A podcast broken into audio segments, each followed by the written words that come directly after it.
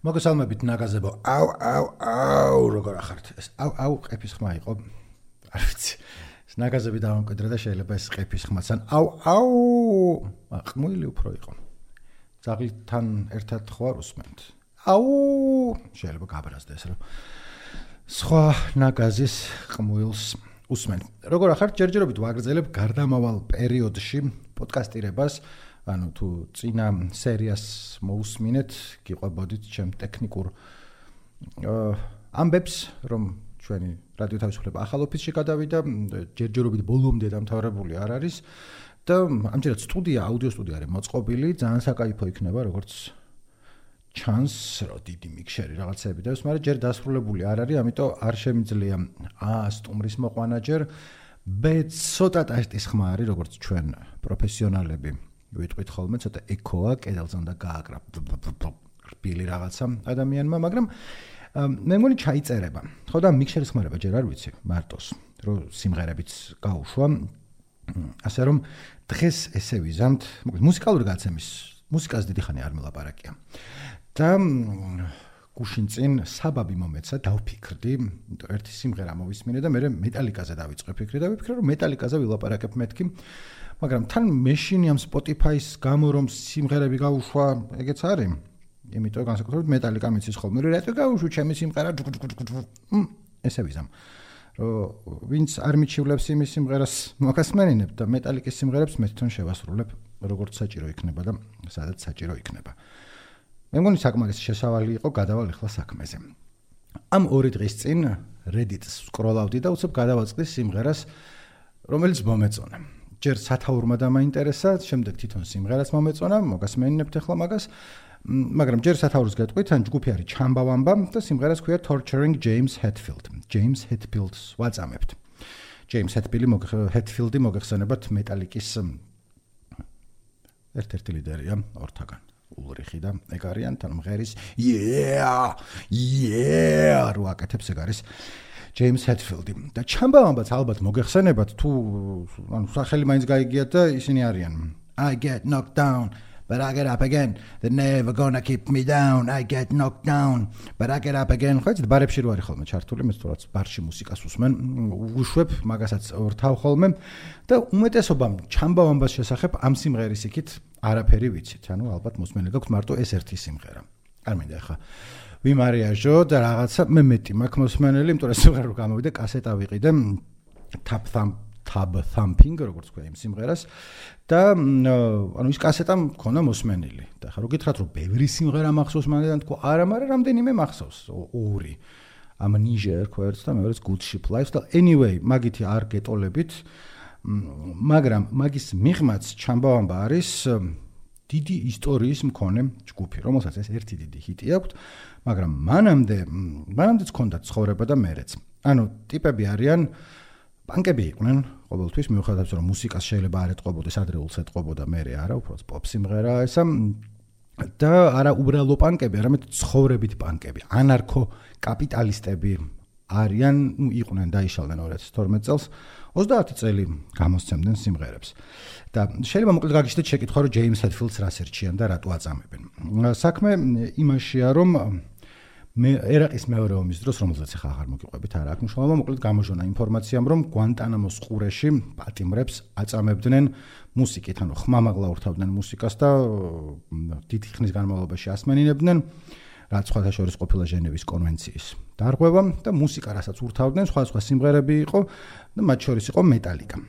და ეხა ის წამება რამდენად გავრცელებული იყო რა ბაზარი იყო მაგას არა აქ აქ მნიშვნელობა მნიშვნელობა აქვს იმას რომ ჯეიმს ჰეტფილდს კითხეს რას ფიქრობ თუ ამასთან დაკავშირებით? და მან გასცა გრაძა ბუნდოვანი პასუხი, ანუ არც დაგმო, არც შეაქო თქვა რომ რავი, რაც არის ეგ არისო, ჩვენო რას ვიზამთო, მაგრამ ახოდუ მოაყოლა რომ ეხა ეს ცოტა ასწორებს, მაგრამ ჩანდა რომ არისო მაინდა-მაინც წინააღმდეგი იმიტომ რომ აბსურდი თქვა რომ ჩვენი მუსიკაო სიტყვის თავისუფლებას წარმოადგენსო და აიო თუ იმ ადამიანებს ომის სიტყვის თავისუფლებას ებრძვიანო ჩაესმითო ჩვენი მუსიკა ყურშიო რა არის ამაში ცუდიო, მაგრამ ნუ ისეო რა ვიცი, არც კარგი, არც ცუდიაო და რატო სხვა სიმღერებსაც ასმენინებდნენ იქ მოკლედ რა სკინი ფაფი არის ეგეთი ჯგუფი რომელსაც რო კითხეს რო აი თქვენი სიმღერებით აწამებენო ტიპი კი ნაღმ ტანსაცმლიდან ამოხტა რო როგორ შეიძლება იმიტომ რომ მართლაც და როგორ შეიძლება ნუ კი არ დავცინი ის იყო რა დანარჩენი ხალხი ამბობდა ჰეტფულზე რომ come on რა ხმა მოიღე და სწორედ ამასთან დაკავშირებით არის სიმღერა torturing james hetfield რომლის ტექსტსაც გეტყვით მაგრამ მანამდე კიდევ ჩამბავამბა რა ტიპები არიან და რატო მევასება ეხლა მოსასმენადაც ბევრი ანუ ეხლა ამ სიმღერასაც რომ მოგასმენებთ გაგისწორდებათ მაგრამ მანამდე ანუ უბრალო რაღაც ერთი პოპ სიმღერა გავუვარდათ არის მაგრამ ცხოვრებით ანარქო კაპიტალისტ პანკ რაღაცა ეგეთი კოლექტივი იყო. ეს tap thumping is i get knocked down but i get up again but up არ გამომეორება თავის მოკლედ სიმღერა რომ გავარდა. მეც ინტერვიუ მიცა და თქვა რომ 97 წელია თან დიდი ხნის წინ არის რომ ვერაფერი ვერ შეცვლის იმ ფაქტსო რომ ჩვენ მოგწონსო როდესაც პოლიციელებს კლავენო. ჯგუფმა თქვა რომელსაც უნდა რომ მე მაგათი სიმღერები კიდე სადღაცა ტრიალებდეს ყველა გაბრაზდა მე მაგასთან დაკავშირებით რომ რა პონჩი გიხარია თუ პოლიციელების სიკვდილიო და ლეიბლი ეუბნებოდა ამ ტიპს. არ მახსოვს რა ქვია ჩამბავამბას ტიპს რომ ბოდიში მოიხადეო და მან თქვა რომ იცი რა ჩვენო სხვა პონჩი თქვითო რა რომ თუ მუშათა კლასი ხარო ისინი არ გიცავენო.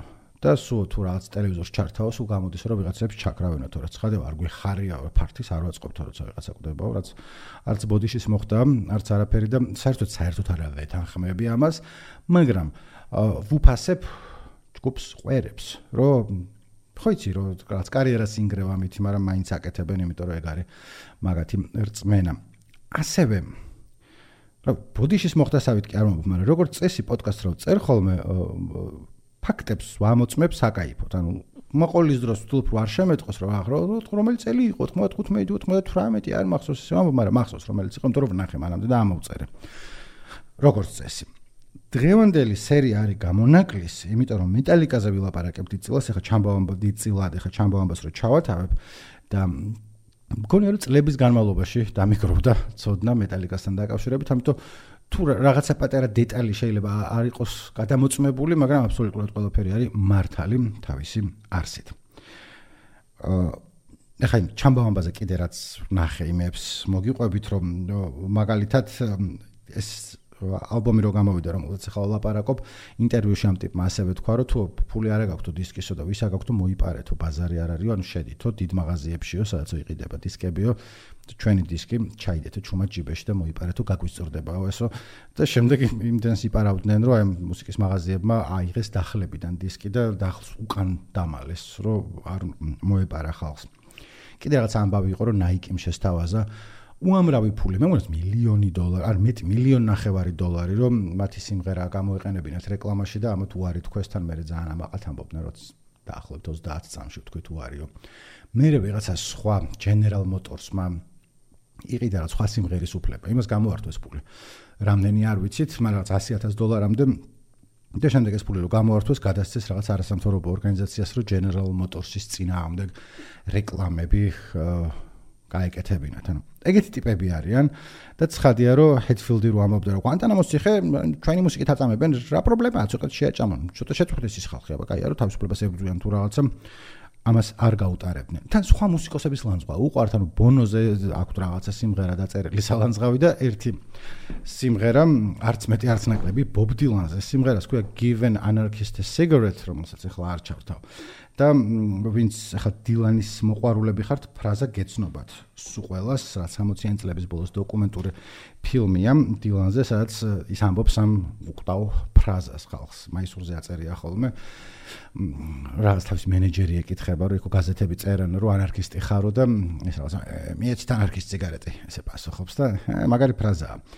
მაგრამ ჩამბავამბამ რომელიც იმენა ანარქისტები არიან თავისი გაგებით და თავისი ბიჭობით და თავისი გოგოობით და გაუტყდათ ეგა რომ რადასაც ინი ფრაზა ანარქისტიაო და მაგიტო ანუ დილანის გასალანძღის სიმღერა მსუბუქად გასალანძღი მაგრამ მისამღერი ასეთი რომ nothing ever burns down by itself every fire needs a little bit of help. ანუ მოუკიდე სიგარეტს თავისით არაფერი არ იწვის ყველა ხანძარს პატარა დახმარება ჭირდება. ანუ ანარქისტობა კარგიაო და თუ გარშემო უნდა დავწვათო სიგარეტით დავწვათო მოკლედ დილანს არ გაუტარეს მაგანი და ჯეიმს ჰეტფილდს გაუტარებენ. ეხლა მოგასმენებთ მაქსიმ ღერას, მაგრამ თავიდან ტექსტ გეტყვით, შინაარსი არის ესეთი, რომ დავიჭირეთ ჯეიმს ჰეტფილდი, ვაწამებთ.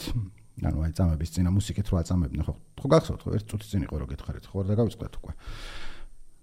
ხო ანუ მოკლედ რო აწამებდნენ ჯეიმს ჰეტფილდმა არა უშავსო ამ დაწერას. სიმღერას სადაც აწამებენ ჯეიმს ჰეტფილდს და შინაარსი არის ეს რომ ჩაურთეთო სიმღერებიო ყველაფრით ვაწამეთო და უსწორდებოდაო. ოხერსო სიმფლირედი ჩაურთეთო და არაო თავს იქნებდაო ანუ სტონკად ორივეს ერთად აგინებენ რომ სიმფლირედი რაც უდი მოსასმენია და ჰეტფილდი რომ კაი პოპს მაგაზე.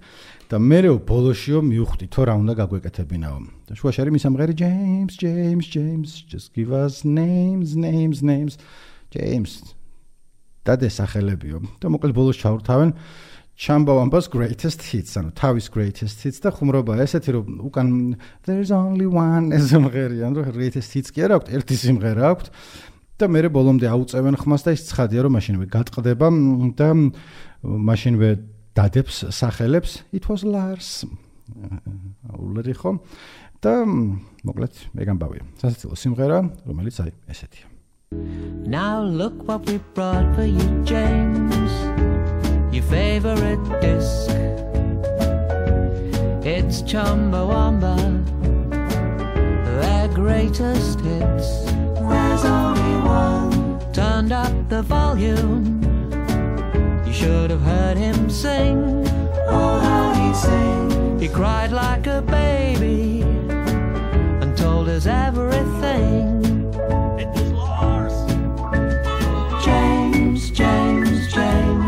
Gave us names, names, names.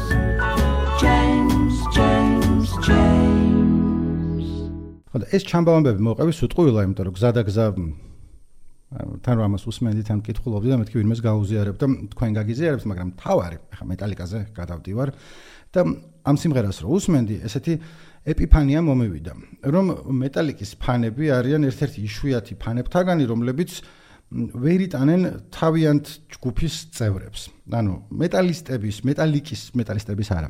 მეტალიკის დამფასებლების დიდი ნაწილი მაინდა-მაინც არ აფასებს ჯეიმს ჰეტფილდს და ლარს ულრიხს. პიროვნულად, არა როგორც მუსიკოსებს, მან მაგის მუსიკა გვიყვარს, მაგრამ რაც თავი მახსოვს, ყოველთვის იყო ლაპარაკი, რომ აა ეს მეტალიკის ხალხი არის აუტანელი. ეხლა მე რა პოზიციიდან ვლაპარაკობ, ჩემთვის დიდი ხნის განმავლობაში მეტალიკა იყო ერთ-ერთი საყვარელი ჯგუფი, დღემდე ძალიან მიყვარს და დღემდე რა თვეში რამდენჯერმე ვთავ ხოლმე რამე ალბომს. ალბომს თავიდან ბოლომდე აღარ უსმენ, მაგრამ რავი სიმღერა გამახსენდება ჩავრთავ, მოკლედ მუსიკის სიყვარული მაქვს აი ალბათ იმაზე მეტი ხანია, რაც ბევრი თქვენგანი დაიბადა.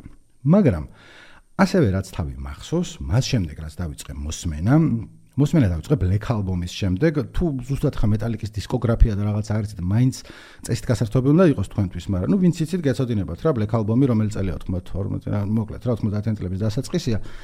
და მანამდე ხა რამდენიმე პოპულარული და დიდი ალბომი ქონდათ გამოშვებული, მაგრამ მაშინ პატარა ვიყავი. Master of Puppets-ი რო გამოვიდა, ვიყავი 8 წლის თუ რაღაცა და ბოდიში რო საბჭოთა საქართველოსი არ ვიცოდი Master of Puppets-ის შესახებ და ის ის იყო ახლად პოსტსაბჭოთა თუ ამბებში მოვისმინე Black Album-ი, რომელიც მომეწონა, მაგრამ განსაკუთრებულად არ გავგიჟდი, შემდეგ მოვისმინე End Justice for All, მათი წინა ალბომი, რომელზეც რომელიც ერთ-ერთი ჩემი საერთოდ საყვარელი მეტალიკის ყველაზე საყვარელი ალბომია, მაგრამ საერთოდ top 10-15 ალბომი რო ჩამოვწერო, რაც ყარებია ცხოვრებაში, ნამდვილად მოხდება იქ, ასე რომ რასაც ახლა ვილაპარაკებ მათზე.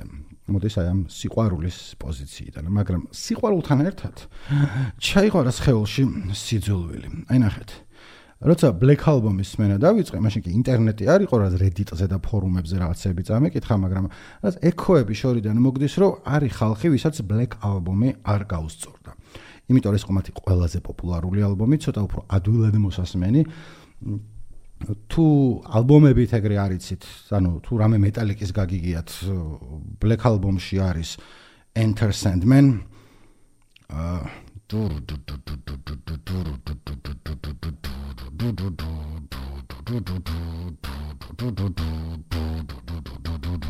Say your prayers, little one, just let the one to forget I've done. Tuck you in, always think of a dumping, the listen when he comes. Sleep with one eye open, holding your pillow tight in the light and the night. Oh, I simrera. Hojcit már, amaz gardam. Nothing else matters. Unforgiven. და ამის ფონზე ბევრი ფანი ამბობდა რომ აი გაიყიდნენ ცოტა უფრო ადულად მოსასმენია ჩვენ ძველი უფრო ტრეშ მეტალი მოგწონდა და მე კი ჯერის ტრეშ მეტალი კარგად არ მქონდა დამოღამებული მაგრამ ხო ხდება აი თავიდანვე როცა ჯგუფი შემიყვარა და ვიცოდი რა რაღაცას რაღაცას თვითეურებენ მიხედავთ რა ბლეკ ბლეკ ალბომი ძალიან მაგარი ატრაკებდნენ ისინი ვინც მაგის წინააღმდეგ საერთოდ რამეს ამბობდნენ ეს არის ეპოქალური ალბომია მართლა ძალიან მაგარია არაფერს არ ვიზიარებ მაგ მოსაზრებებს, მაგრამ უბრალოდ იმის თქმა მინდა, რომ თავიდანვე, როცა მეტალიკას, მეტალიკის სახელი გავიგე, ეს მოდიოდა ის, რომ რაღაც უკმაყოფილო იყო ხალხი. და მეტალიკას სულ დასდევდა თან აი რაღაცა ეგეთი აურა. ალბათ 80-იან წლებში შეიძლება მთლად ეგრე არა, მაგრამ მე აი რაღაცა რომ აი თვითონ დაარსების ამბავის მეტალიკის დაარსების ამბავი არის ცოტა ესეთი ერთგვარად მითოლოგიური რომის დაარსების ამბავში დღეს თუ არ ქონიათ დოზა რომის იმპერიაზე ფიქრის, ну ეხა გაქვთ რა ხო იცით რემუსი და რომულუსი და ძმამ ძმა მოკლა და მეტალიკა რომ შეიქმნა თავიდან მოკლედ ლარს ულრიხმა დრამერმა გამოაქვეყნა სადაც განცხადება რომ ერთადო შევიკრიბოთო და ემატნენ ჯეიმს ჰედფილდი კიდე ვიღაცა რომლის სახელი არ მახსოვს. მე დეივ მასტეინი რომელიც შემდეგ ჯგუფ მეგადეთის ლიდერი იყო და ახაც არის. და იმან ის კიდე ვიღაცა რო იყო სახელი რო არ მახსოვს ის დაიწუნა რომ არ აკეთებსო კარგად საქმესო და დაიმატა კლიფ ბარტონი ბასისტი და დადიოდნენ ერთად და სვამდნენ და უკრავდნენ. ახლა ასე ნიშნავს სვამდნენ და უკრავდნენ რომ ამ დროს არიან აი 20 წლის რაღაცა ეგრე შეიძლება უფრო პატარაც კი შეიძლება 20 წლის მიდამოებში არიან ტიპები და უკვე პირველივე სიმღერიდან რომელიც ჩაწერეს ვიღაცებს მოეწონათ ანუ ამბობდნენ რომ თქვენ მომავალი გაქვთ ბიჭებო hit the lights no life till leather არ გამოდის ცოტა უფრო უხეში ჟღერადობა აქ იმ პირველ სიმღერებს, მაგრამ anyway, მაგრამ ჯერ ვერ არიან ჯერ მოგონი ხმის ჩამ ის რეკორდ კონტრაქტი არა აქვს მე დადებული და ტურნეში დადიან, მაგრამ ეს ტურნე არის თავისი მანქანი დადიან სხვა სხვა შტატებში და იქ ბარებში უკრავენ და გზაში სვამენ და რაღაცა ნარკოტიკებს ეტანებიან. იმდენად რომ ხუმრობა იყო რა მეტალიკა იმდენ სვამს რომ ალკოჰოლიკა უნდა ერქვათო და რაღაც სადღაც ულრიხია თუ არა? მოდელს ფოტოასაც ალკოჰოლიკას მაისური აცვია და ისე ამბობ რომ ჩვენ და პერს ვამს და სო ისე ვიცოდი რომ თავიდან როგორი წლები ქონდა მეტალიკას ველური ველური და მე ვიფიქრე რომ ანუ გაუმარჯოთ და არავის არ ვედრები საქართველოს მხრიდან და ასე შემდეგ მაგრამ დარწმუნებული ვარ რომ 20 წლის ბიჭებს ამერიკელებს ალკოჰოლიკას ქუთაისში ბარეორი ბენდი ისე დაათრობდა რომ ვეღარ ადგებოდნენ ფეხზე. ანუ არ ეჭვი არ მეპარება რომ არა მარტო ქუთაისში საქართველოს თბილისშიც ანუ ყველგან სადაც გინდა გინდა რობი იქნება თუ აქ არ მგონია რომ ვოდკა ვტრეონთან გაეძლოთ დალევის ამბავში ან რაღა იმასთან მივდივარ ჩვენ პანკებთან. ჩემ მეგობარი ოთარ საბაშვილი მარტო დაათრობდა ოთხივეს. დაათრობდა ალბათ ისინი შეიძლება ფრალები იყვნენ და ურევდნენ მე მაგრამ ხვდები ანუ მე რო მეტალიკას ადრე ისეთი ველური წლები ქონდა ალკოჰოლიკა ერქვა ცოტა მითოლოგიური ის მოგდის და მე ხვდები რომ ბიჭო 20 წლის ბიჭები არიან. სვამდნენ ალბათ მაგრამ რა რას დალებდნენ იმდენს? არ გვინახავს გარშემო ხალხი ვინც სვამს და იმათ ალბათ ვერაჯობებდნენ მაგრამ რატო უბრალოდ რატო მოყევით ამ ალკოჰოლიკის შესახებ? ამბავი გზაში ყველანი სვამდნენ მაგრამ მასტეინი, რომელიც იყო მათი გიტარისტი თან, ну, ერთ-ერთი ლიდერი იყო ჯგუფის, მაგრამ ლიდერი არ იყო, ლიდერები არიან ულრიხი და ჰედფილდი. განსაკუთრებით ცუდად სვამდა, ну, ცუდი ხასიათი ჰქონდა მერე და ურევდა და სხვაებიც ურევდნენ, მაგრამ ეს განსაკუთრებულად ურევდა და ნიუ-იორკში იყვნენ, როდესაც აი კიდევ ერთხელ მორიგჯერ გაჭედა, დანარჩენები შეთანხმდნენ, რომ ამას ვაგდებთო ჯგუფიდანო, გააჯვასო, აღარ გვინდა ამაგასთან ერთადო, ოღონდ როგორ უთხრეს რომ ამან დილას რომ გაიღვიძე თუ არც გაიღვიძე ამათ გააღვიძეს და დილას საშინელ პახმელიაზე ესა უთხრეს რომ შენ ჯგუფში აღარ ახარო 40 წუთშიო გადისო ავტობუსიო და ჩასვეს ავტობუსში ჯერ გამოუფხიზლებელი პახმელიაზე ადამიანი და ეს ავტობუსი მიდიოდა ნიუ-იორკიდან კალიფორნიაში. რომელიც არ არის აუცილებელი რომ გეოგრაფია იცოდეთ რომ ძალიან დიდი გზაა. მე მგონი ორი დღეა თუ რა მოკლედ აი წარმოუდგენლად დიდი გზა არის და ეს ზის აზზე ვერ მოვიდა თავიდან რა ხდება. ჯიბეში აქ ერთი შეკვრა ჩიპსი და იბოღმება. ანუ აი მე თვითონაც იხსენებს ხოლმე რომ მთელი გზა იბოღმება და ეს რა მიქნეს ჩემი. იმდენად რომ მთელი ცხოვრების განმავლობაში დღემდე ეს ბოღმა აქ, იმიტომ რომ მას მე რაც გამოაგდეს ჯგუფიდან, ახლა ჯგუფი მეტალიკა უფრო პოპულარული გახდა, მე კიდევ უფრო პოპულარული გახდა, მე კიდევ უფრო პოპულარული გახდა და მასტეინმაც თავისი ჯგუფი მეგადეთი ძალიან მნიშვნელოვანი ჯგუფია მეტალისტვის. ანუ ამბობენ რომ ესეთი big four არსებობს ამერიკულად მაინც მეტალის დიდი ოთხეული. ეს არის მეტალიკა, მეგადეთი, slayer და anthrax-ი. ალბათ. და მე პანტერა მე დაემატათ. არ ვიცი მოკლედ რაღაცა ეგ ბაზარია, მაგრამ დიდი ოთხეული სინამდვილეში არ არსებობს, არის მეტალიკა და დანარჩენი ყველანი ქვემოთ გაყიდვების თვალსაზრისით. ანუ დანარჩენ 4-ს ერთად ყველა ალბომის გაყიდვა რო შეკრიბო, Black Album-ის სტოლა არც ერთს არ, ანუ ყველას ერთად არ აქვს მარტო Black Album-ს, რაც აქვს გაყიდული ის. რაც ხა სიკარგეს არ ნიშნავს, ხადია, მაგრამ ну მასშტაბებს მე მგონი ასახავს და მასტეინის ყოველთვის მასე იყო რა მოკლედ მერეც ქონიათ რაღაცა იმა რაღაცა თქვა მაგრამ რაღაცა თქვა მე შევრიგდით მე ერთად დაუყარეთ მთელი ამბავი მაგრამ მთელი ცხოვრება ბოღმას ატარებს მაკისგან. ეხა ნახე რა შეასაქმე რომ მასტეინი იქიდან იყო გასაკეთები ის რომ ცოტა ცუდად მოეკცნენ დილას გააღვიძეს გაუშვეს ეგეც იფიქრეს ჯერ კიდევ 20 წლის ბიჭები არიან მე უფრო დაბრძენდნენ და მე ესე ცუდად აღარ მოიქცეოდნენ მაგრამ რის გამოც გააგდეს იყო რომ ის ჯგუფს ფუჭებდა სახელს ანუ განსაკუთრებულად სუდათრებოდა მე მქონდა სუდი სიმთვრალე ანუ ამათაც არ ქონდათ კარგი მაგრამ ბოლოს იმან ჰეთფილდის ძაღს ჩაარტყა ფეხი ანუ ბოლო წვეთი ეგ იყო. რაც რავი დამეთანხმებით რომ მართლაც და საშინელი საქციელია და მოკლედ დღემდე მოყვება მეტალიკას ეს აი ცოტა როგორ გამოაგდეს მასტერი ჯგუფიდან თუმცა ის რო გამოსაგდები იყო მაინამაინც არავინ არავინ არ ვდავობთ მაგაზე. და მოკლედ გამოვიდა ჯერ ქილემოლი პანკური, სწრაფი, ენერგიული underground ალბომი, რომელიც რომერ ახლა შემდეგი ალბომები შეიძლება არც ხსომებოდა ხალხს, მაგრამ no life till never. I'm para para para hit the light, hit the light. საერთოდ არ გავდა იმ სიმღერას ბოდიში. შემდეგი ალბომი Ride the Lightning, სადაც უკვე პროგრესული როკის ელემენტები შემოვიდა, უფრო დახვეწილად მღეროდნენ, Hetfield-მა უკეთესად ისწავლა სიმღერა. ამის შემდეგ შედევრი Master of Puppets ყველა დროის ერთ-ერთი საუკეთესო მეტალ ალბომი. ალბათ შეიძლება ითქვას ან ინგლისური სიტყვა ესეთი arguably, რომ ვიღაცამ შეიძლება ამტკიცოს, რომ ეს არის საუკეთესო მეტალ ალბომი საერთოდ. ასევე ვიღაცამ შეიძლება საპერისპირო თქვას, რომ არა რა სისულელია, რომ ან რაღაც სხვა ჯობია, ან რა მეტალიკა, ან ასე შემდეგ, მაგრამ აპსაში ატო გადადიხარ სინამდვილეში საუკეთესო ალბომი არის Rain in Blood ბაზარი არ არის, მაგრამ ვინც ამას იტყვის სულელი არ არის. თავისუფლად შეიძლება ამტკიცო, რომ ეს არის საუკეთესო მეტალ ალბომი საერთოდ რაც გამოსულა. და მოკლედ, ხო და Master of Puppets არის Master, Master, where's the dream that I've been after? Master, Master, promised only lies. Laughter, laughter, all I can hear is laughter, laughter, laughing at my cries.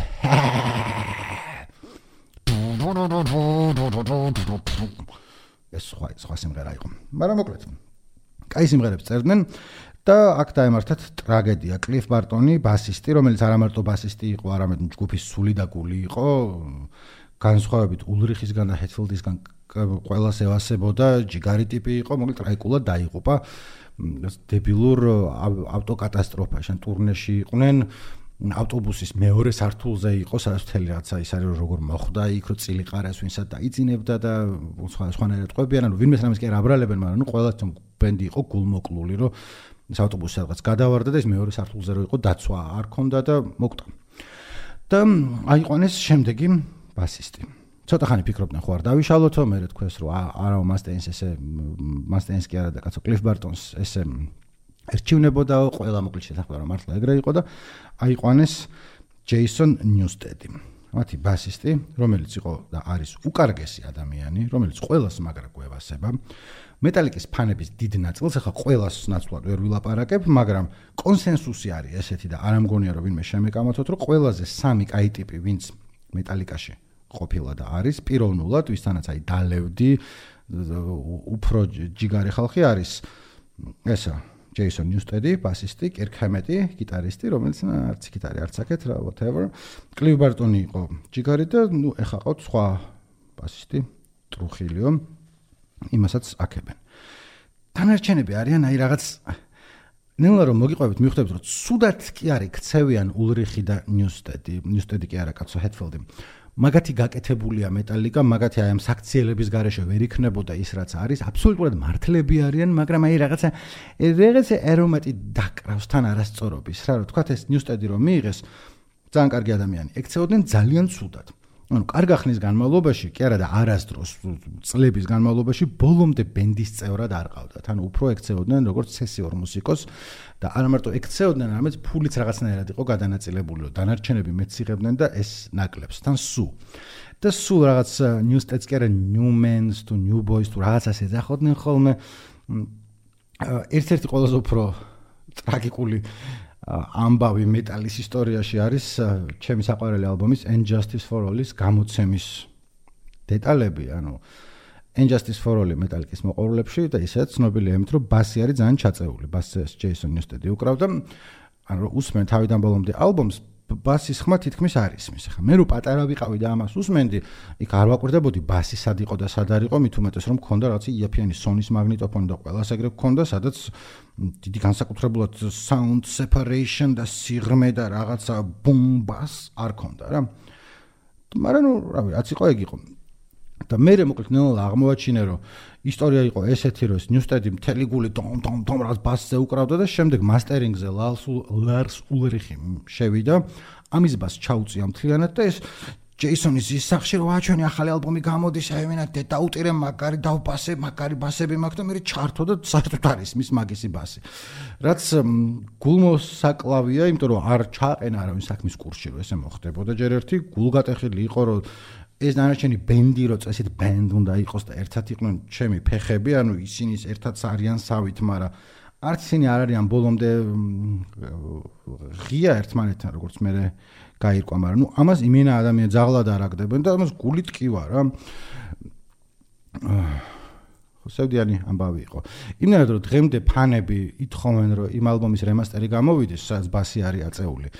YouTube-ზე არის 4 სხვადასხვა ჩანაწერი აი Injustice for All-ის სადაც ბას აქვს მომატებული. ერთ-ერთ ყველაზე ცნობილს ქვია Injustice for Jason. ანუ დღემდე რატო ამბობდი რომ აი მეტალიკის ფანები არიან, ვინც ყველაზე უფრო ღიზიანდებიან მეტალიკის ხალხზე, რომ მეტალიკის ფანი რო არისო, რემასტერს ხო არ გააკეთებს სახლში და Injustice for Jason-ს ხო არ დაარქმევს, ესე იგი გიყვარს ეგ ალბომი და გინდა რომ ისე ისმოდეს როგორც ისმის, მაგრამ მაინც სწორედ Jason ნიუსტედისკენ ხარ და არა დანარჩენებისკენ, რომლებიც ტრაკულად მოექცნენ. საბოლოოდ ნიუსტედმა დატოვა მეტალიკა და ბოლო წვეთი იყო ის, რომ დანარჩენები უკრძალავდნენ, დანარჩენები რა ჰეტფილდი ძირითადად ნებისმიერ სხვა რამე პროექტში მონაწილეობის მიღებას. ანუ ეუბნებოდნენ, რომ შენ აზრს არ გავითვალისწინებთ, შენ ბას ჩაუწევთ, ეს მე იყო ოღონდ კიდე რამდენიმე ალბომი გამოვიდა, სამი, ამის მერე. სამი, ხო, დაიკიდეთ რა მნიშვნელობა აქვს, მაგრამ თვითონ ესენი ულრიხი და ჰეტფილდი სხვა პროექტებში იღებდნენ ჩვენურად მონაწილეობას, მაგრამ ამბობდნენ რომ ჩვენთვის შეიძლება და ამისთვის არ შეიძლება და ამას გაუწყდა ბოლოს და თქვა რომ აა წავედი აქედან. ვიდრე წავიდოდა მანამდე კიდევ ერთი ესეთი სკანდალი იყო მეტალიკასთან დაკავშირებით, რომელსაც ნაპსტერის სკანდალი ქვია. ეხა ვინც ცოტა უფრო ასაკიანი ხალხართ ნაპსტერი გეცოდინებათ რა არის? იყო რევოლუციური სოფტვეერი რევოლუციური პროგრამა რომელიც პირატულად სიმღერების ჩამოწერის შესაძლებლობას გაძლევდა. იყო პირველი ესეთი მასობრივად გავრცელებული რომელიც აი ნაპსტერი იყო როცა პირველად აღმოვაჩინეთ რომ ფაილ შერინგი რა შეიძლება იყოს და უცებ მახსოვს ეგ პერიოდი. მაშინ ჯეოსელის ჟურნალში მუშაობდი მუდმივი კავშირის მაგრამ მუდმივი კავშირის სამყარო ის არის კაცო მაგთის არის, სადაც მე არ მემუშავია არასდროს. რა ერქვა ჩვენ ჟურნალს? აх, მერთო როგორ როგორ მავიწყდება ყველაფერი. მაგრამ შეხება აქ. ჯეოსელის ჟურნალში ვიყავი და იქ სამსახურში ქონდა ესეთი ინტერნეტი სულ რო არის, დარეკვა და ფშშშ არ ჭირდება. ნაპსტერი ჩავწერე კომპიუტერში და მეთქი, ეხა ნებისმიერი სიმღერა აქ შეიძლება ჩავწერო და გაჩდება ჩემთან და მართლა ეგრე იყო. ინტერნეტი უფრო ნელი იყო. მაშინ ინტერნეტი პოსტით მოდიოდა ხოლმე, მაგრამ anyway, Napster იყო ეს რევოლუციური, ერთ-ერთი ყველაზე უფრო მნიშვნელოვანი კომპიუტერული პროგრამა, რომელსაც ოდესმე უარსებია და დაიწყეს თუ არა ეს მეკობრულად სიმღერების ჩამოწერა, ბევრი ბენდი იყო, რომელმაც თქვა, რომ ესეო ჩვენო ფული არ მოგვიბაო და ამის წინააღმდეგები ვართ, მათ შორის Madonna იყო. Madonna-მ რაღაცა ახალი სიმღერა გამოუშვა მაშინ, ეგეთ დეტალი მახსოვს, რომ სიმღერა არ არ მახსოვს რომელი სიმღერა, შეიძლება Frozen ან რაღაც მაგდროინდელი ამბავია, შეიძლება ცოტა უფრო ძველიც. და რო ჩამოწერდი Napster-ზე ამ სიმღერას, მადონას ხმა იყო what the fuck do you think you're doing? What the fuck do you think you're doing? მარტო ეს ხმა იყო სიმღერის ნაცვლად რომ შეერცხვინე მადონას სიმღერის ჩამოწერის გამო. Come on. მაგრამ მადონაზე უფრო მოხდა ლარს ულრიხს იმას ჩვენს მეტალიკის დრამერს რომელიც განსაკუთრებულად ხმამაღალი წინააღმდეგი იყო. ნაპსტერის სასამართლოში უჩივლა და აქაც როგორც ვქო თქვი განამართალი არისო გინდა ბიზნეს პერსპექტივიდან გინდა რა მუსიკოსია ამბობს რომ ამით უშოულო ფულს ნუ მტაცებთ სიმღერებს მაგრამ ცუდი არომატი ასდიოდა იმიტომ რომ მეტალიკის ფესვები იყო underground-ში, ანუ მადონა რო ესე ამბობდა, მადონასთვის უფრო მოსული პონტი იყო, მადონასაც ლანძღავდნენ, მაგრამ მეტალიკა no life till leather kill em all. რაღაცა რომელიც ამ წესით ამ პანკური ეთოსით უნდა ყოფილიყო ავსებული. და ვიდრე ვინმე დამირეკავ სადამირეკავ არ ვიცი მაგრამ მაინც ზოგმა იცის ხოლმე განსაკუთრებით თუ ახალგაზრდა იცით თუ არა რომ მეტალიკა ტრეშ მეტალია და არ არის პანკი თუ რაღაცა და ანუ ვინც არ იცით რომ ტრეშ მეტალის ფესვები არის პანკშიც არა მარტო. თვითონ მეტალიკის წევრები უსმენდნენ ხოლმე ნაწილი რაც აქვს მოკლედ ქავერები ჩაწერილი არის ბრიტანული heavy metal-ის ახალი ტალღის Diamond Head-ი ერქვა ხო იმ ჯგუფს ხო? და მეორე არის Misfits-ის და რა ვიცი სხვების პანკების ჩანაწერი არის. ორივეზე იდგა რა და მოკლედ პანკური სულისკვეთება ამათანაც იყო იმიტომ რომ მეტალი მაშინ underground მუსიკა იყო მანდენენ მოდიოდა 80-იან წლებში იყო არა მეინსტრიმი არამედ მაგათი ჟანრის მეტალი იყო underground-ი და ამიტომ მაგ ხალხისთვის ცოტა უფრო ძალიან ისე გამოდიოდა რომ ჩვენ ფული უნდა ვიშოვოთ და ჩემი სიმღერები არ ჩამოწეროთ თუ რაღაცა და ფანები ძალიან განუდგნენ მაშინ კიდევ ერთხელ განარამე ძალიან არასწორი იქნეს, მაგრამ ე არ მოწონდათ, არ მოწონდათ ხალხს. შემდეგი ლანძღვაგინება, რომელიც მოვისმინე მათი, იყო როცა Black Album-ის შემდეგ გამოვიდა ახალი ალბომები Load და შემდეგ Reload, რომელიც მე ორივე ძალიან მიყვარს, მაგრამ აი აქ უკვე ჟურნალებს ყიდულობდი ხოლმე, სადაც იყო რომ Metallica-ის საბოლოოდ გაიყიდა პირველ რიგში, იმიტომ რომ თმები შეიჭრეს. ანუ პირველი რაც დავინახეთ, რომ ესენი Ted Banks აღარ აკეთებენ და თმებს აღარ აფრიალებენ ჰაერში და Metallica თმის გარეშე რა არის. ну машин ის უნდა იყო პანტერა და სხვანაირად იქნიო თავი, მაგრამ ну თუ გააქთმა უნდა მოუშვათ, თუ გამელოდდი რა გაშველება, მაგრამ ან გადაიპარსე, ან გრძელი თმა გქონდეს, შუაში მოკლე ჩეკრეჭილი თმა, როგორც მეტალიკას ქონდა მაშინ არ მოსული პონტი იყო. და ბევრი ლაპარაკობდა მაგაზე და არა მარტო ვიზუალურ იმიჯზე, არამედ აუდიოს ცვლილებაზე. ანუ ეს არის უფრო მეტალია ესეც, მაგრამ როგორც აი დღეს ამბობენ ხოლმე, ნიუ მეტალით შთაგონებული უფრო აი 90-იანი წლების ახალგაზრდების პონტში შეიძლება არ თქვა, მაგრამ ნუ აი რა ის აღარ არის, გრძელი გიტარის სოლოები აღარ არის. ზოგ სიმღერაში საერთოდ არ არის გიტარის სოლო. უფრო მოკლე სიმღერებია. და ილანძღებოდნენ ამის გამო. და მეც საყოლილი ვიყავი იმაზე და აქაც ანუ გასალანძღები არ იყვნენ, ეგრე დაინახეს თავიანთი მუსიკა, მაშინ და ორივე კაი ალბომია.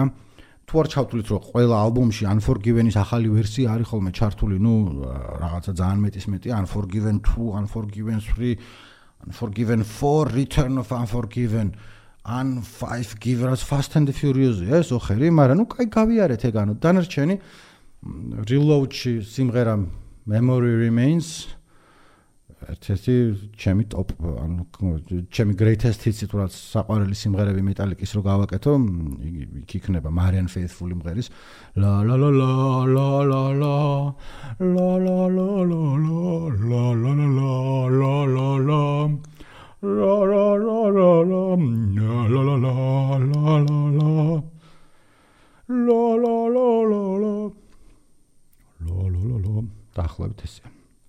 ამას აი ყოველ ეტაპზე უსმენდა აუ ეს მეტალიკა ესენი ახე კიდე როგორ გაატრაგეს. გამოვიდა დოკუმენტური ფილმი მაგათზე Some Kind of Monster ქვია, რომელიც არის ძალიან გულახდილი, გულღია დოკუმენტური ფილმი, სადაც ბენდი ჩანს თავის ყველაზე უფრო ცუდ მომენტში, რომ ჯეისონ ნიუსტედი არის წასული ბენდიდან, ესენი ერთმანეთს ჭამენ.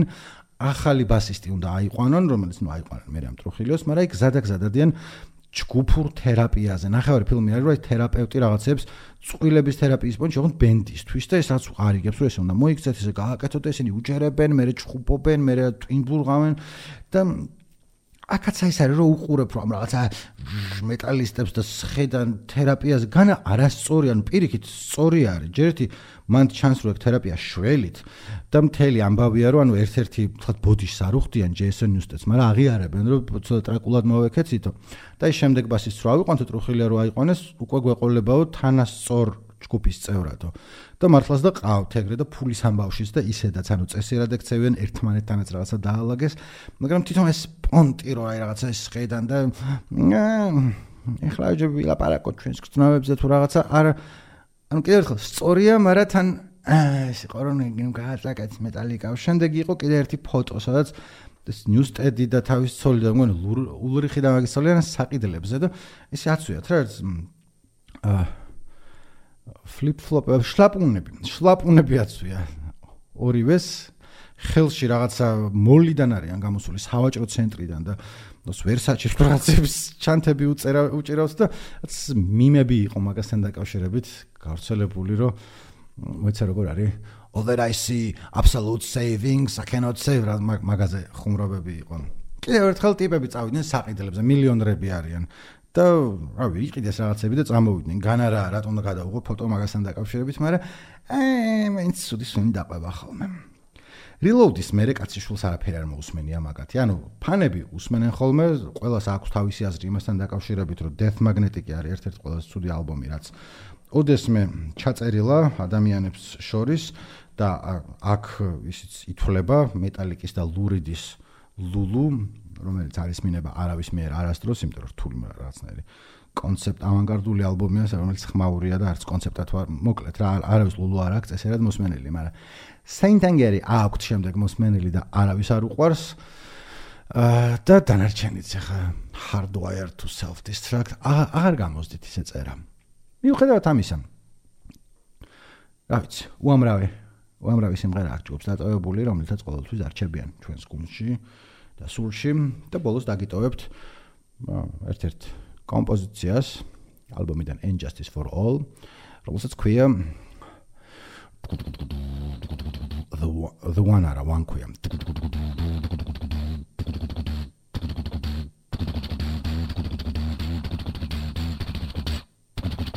darkness imprisoning me. All that I see, absolutely blah, blah, blah, blah, blah. I cannot leave, I cannot fly, but in my holding sail.